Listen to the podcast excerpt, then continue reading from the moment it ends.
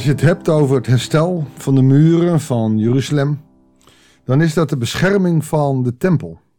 Hoewel de tempel aan een van de muren staat, uh, zijn de muren beschermend voor de bevolking, maar ook voor de tempel. En je wil God in je midden hebben, vandaar dat de tempel aan de binnenkant van de muren staat. Dus als we net als gisteren vandaag gaan kijken wat er met de muren gebeurt, is het een hele mooie associatie naar je eigen leven.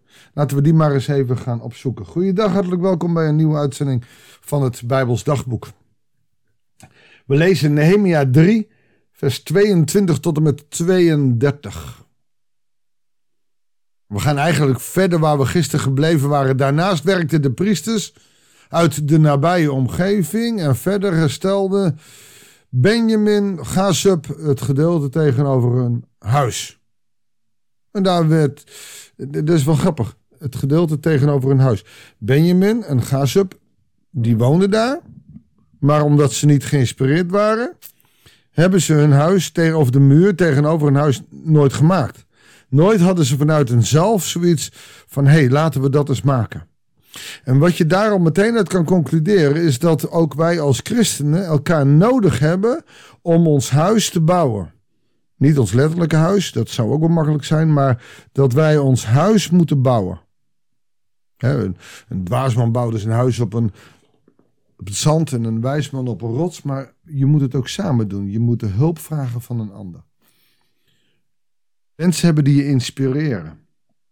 Ik kan me goed voorstellen dat je bij een kerk zit en dat de dominee niet inspirerend is, dat je daar niet snel terugkomt. Dat is jammer, want ik denk dat een voorganger moet inspireren. Of dat nou op een ADHD-manier is zoals ik, of op een hele rustige manier, maar door wat je zegt. Maar je moet inspireren. Het woord van God inspireert elke dag weer.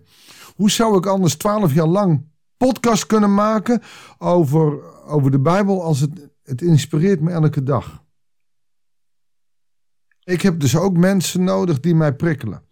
Het mooie is, als ik naar afgelopen zondag kijk, uh, heb ik over Thomas uh, gesproken. Maar dat deed ik naar aanleiding van een podcast die ik hoorde. En dat inspireerde me enorm. Dat raakte mijn hart heel diep. En dan opeens heb je inspiratie om een preek te houden over een onderwerp.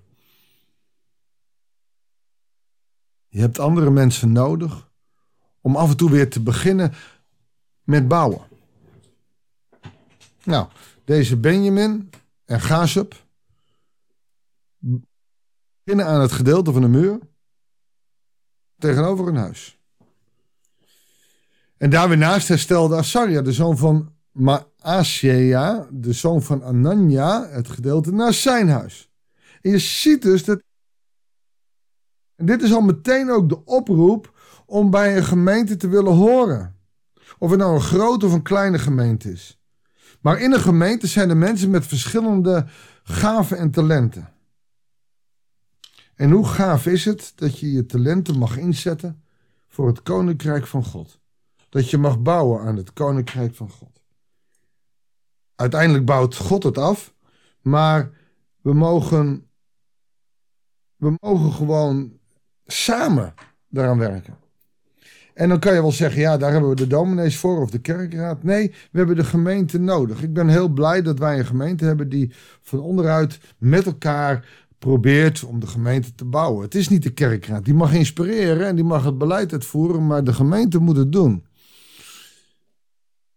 Als een gemeente niet geïnspireerd wordt, takelen, takelen dingen af. Dan takelen gemeente af. En het is niet alleen de voorganger natuurlijk maar de inspiratie moet wel. Jezus moet klinken. Het, het woord van Jezus. Je kan hele theologische, mooie preek houden. Als Jezus niet klinkt, dan kunnen we de Vader niet erkennen. Zullen we de geest niet voelen.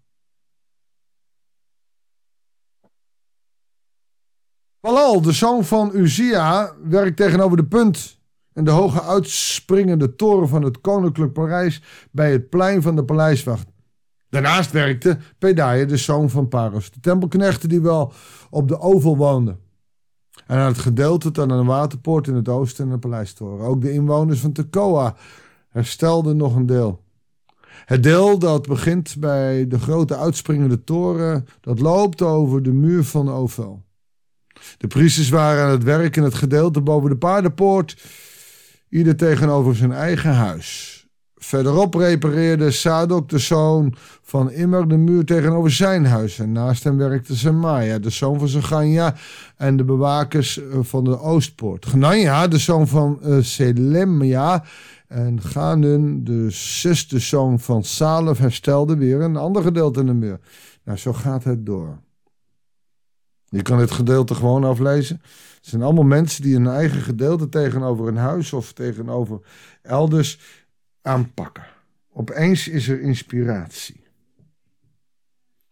Dan weten we ook van Paulus dat jouw hart de tempel is van de Heilige Geest. Zeggen mensen wel eens: ah, je hebt toch geen kerk nodig om, uh, om te groeien in geloof. Dat is zowel waar als dat het niet waar is. Eh, op een of andere manier is het heel duidelijk dat je het niet alleen kan. En dit gedeelte laat het duidelijk zien. Weet je, mensen staan er wel eens versteld van. Ik mag dan regelmatig voorgaan, ook in mijn eigen gemeente. En dan zeggen mensen, nou waarom ga jij nou het gebedsteam doen? Waarom laat jij nou voor je bidden? Je bent toch de dominee, je bent toch de voorganger? Ja, maar mijn muren moeten ook overeind blijven. Door het leven in deze maatschappij zijn er ook onderdelen van mijn muren die afbrokkelen. En de verleidingen zijn de zondes. En daar wil ik ook voor laten bidden. Ik heb het nodig dat mensen helpen om mijn tempel heel te houden. Niet omdat ik zo slecht ben, omdat zij beter zijn, maar omdat ik hulp nodig heb. Dat ik het niet alleen kan. Ik doe supervisie. Waarom? Omdat ik dingen tegenkom die ik niet makkelijk vind. Dat is niet erg, dat is geen schande. En als ik psychische problemen heb, dan ga ik naar een psycholoog. Ik hoor heel veel mensen zeggen, ik ben toch niet gek. Nee, je hoeft ook niet gek te zijn om naar een psycholoog te gaan. Als je gek bent, dan hebben we nog wel een ander te huis. Weet je, schaam je er niet voor om andere mensen te vragen om hulp. Het is heel belangrijk om hulp te vragen. Want alleen kunnen we het niet. En daarom vind ik het zo machtig mooi om, om lid te zijn van een kerk. Om, om, en, in die kerk zijn mensen die het lastig doen, die het me moeilijk maken. Die, heus wel, het is ook geen ideaal, maar dat is in geen enkel gezin. Ja, misschien een enkel. Dus er zijn gezinnen die zijn echt geweldig met elkaar. Maar er zijn ook zat gezinnen waar het niet werkt. Is het erg? Nee, dat is niet erg. Maar je hebt elkaar wel nodig. Je hebt zelfs de mensen die altijd kritiek hebben, heb je nodig om je aan te zeggen. Dat is belangrijk. Ja, het is heel belangrijk. En daarom als jij bouwt aan, aan je tempel of aan je lichaam, wat de muur is om je tempel heen, moet je niet denken dat je het alleen kan. Vraag gerust een ander om voor je te bidden, om met je te praten, om te ontdekken wie God is voor jou, te ontdekken wie en wat God wil zijn en mag zijn, om zo samen te groeien en, en jij mag het ook weer voor de ander zijn. En ook als jij hulp nodig hebt, kan je ondertussen ook nog weer hulpen zijn voor een ander. Je hoeft je niet te schamen voor het feit dat je hulp geeft of dat je hulp vraagt. En we zouden veel meer in de kerk samen één familie moeten zijn. We moeten het niet hebben over een kerk. We moeten het niet eens hebben over een gemeente. We hebben het over familie. En het leuke vind ik in onze gemeente, het klinkt wel eens wat oudbollig. We zijn broeders en zusters. En in een kerkblad schrijf ik over zuster die in het ziekenhuis en zuster die en broeder die. En toch zijn we broers en zussen. En we mogen elkaar daarop aanspreken dat we broeders en zussen zijn, want we hebben elkaar zo hard nodig. Er is één vrouw hier in de gemeente, een oudere vrouw, die heeft dat ook als lijfsprook. We hebben elkaar zo hard nodig. Het is echt waar. Alleen geloven, ja kan. Je kan de Bijbel lezen, je kan bidden en dan kom je in heel eind. Maar uiteindelijk red je het niet. Je hebt de ander nodig. God heeft ons aan elkaar gegeven. God heeft ons relatiewezens gemaakt. We hebben elkaar nodig om aan jouw tempel te werken. Maar ook samen in de kerk die we zijn, om daar samen aan te bouwen. Nou, zullen we daarvoor bidden? Heere God, leer ons afhankelijk te zijn. Leer ons dat we het alleen niet kunnen, maar dat we u nodig hebben, maar ook mensen om ons heen. En misschien ook wel die mensen die die we in eerste instantie helemaal niet zien zitten. Of dat wij hen kunnen helpen. Heere God, en dat het wel leuk is dat we kunnen consumeren tegenwoordig, dat we thuis kunnen zitten en gewoon online mee kunnen kijken, maar dat niemand wat aan ons heeft als we thuis blijven. Heer, leer ons zo dat we die gemeente nodig hebben, ook al is het niet altijd even gezellig, maar dat we daar ook wat kunnen bieden door gewoon te zijn. Doordat mensen ons zien zitten, doordat mensen bemoedigd worden, omdat er zoveel mensen aanwezig zijn. Heer, leer ons dat we elkaar nodig hebben, dat we voor elkaar mogen bidden. En dat daarmee ons tempel wordt opgebouwd. Heer, zegen ons zo. Om als tempelbouwers, net als Nehemia, het samen te mogen doen. En allemaal een stukje van de muur kunnen bouwen. Heer, dank u wel dat u dat met ons, voor ons en door ons wilt doen. Dat bidden wij en danken wij u in Jezus' naam. Amen. Nou, ik hoop dat deze podcast jou ook weer mag helpen om misschien het lef te hebben om hulp te vragen.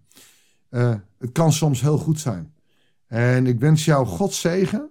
Ik wens jou genade en vrede van God.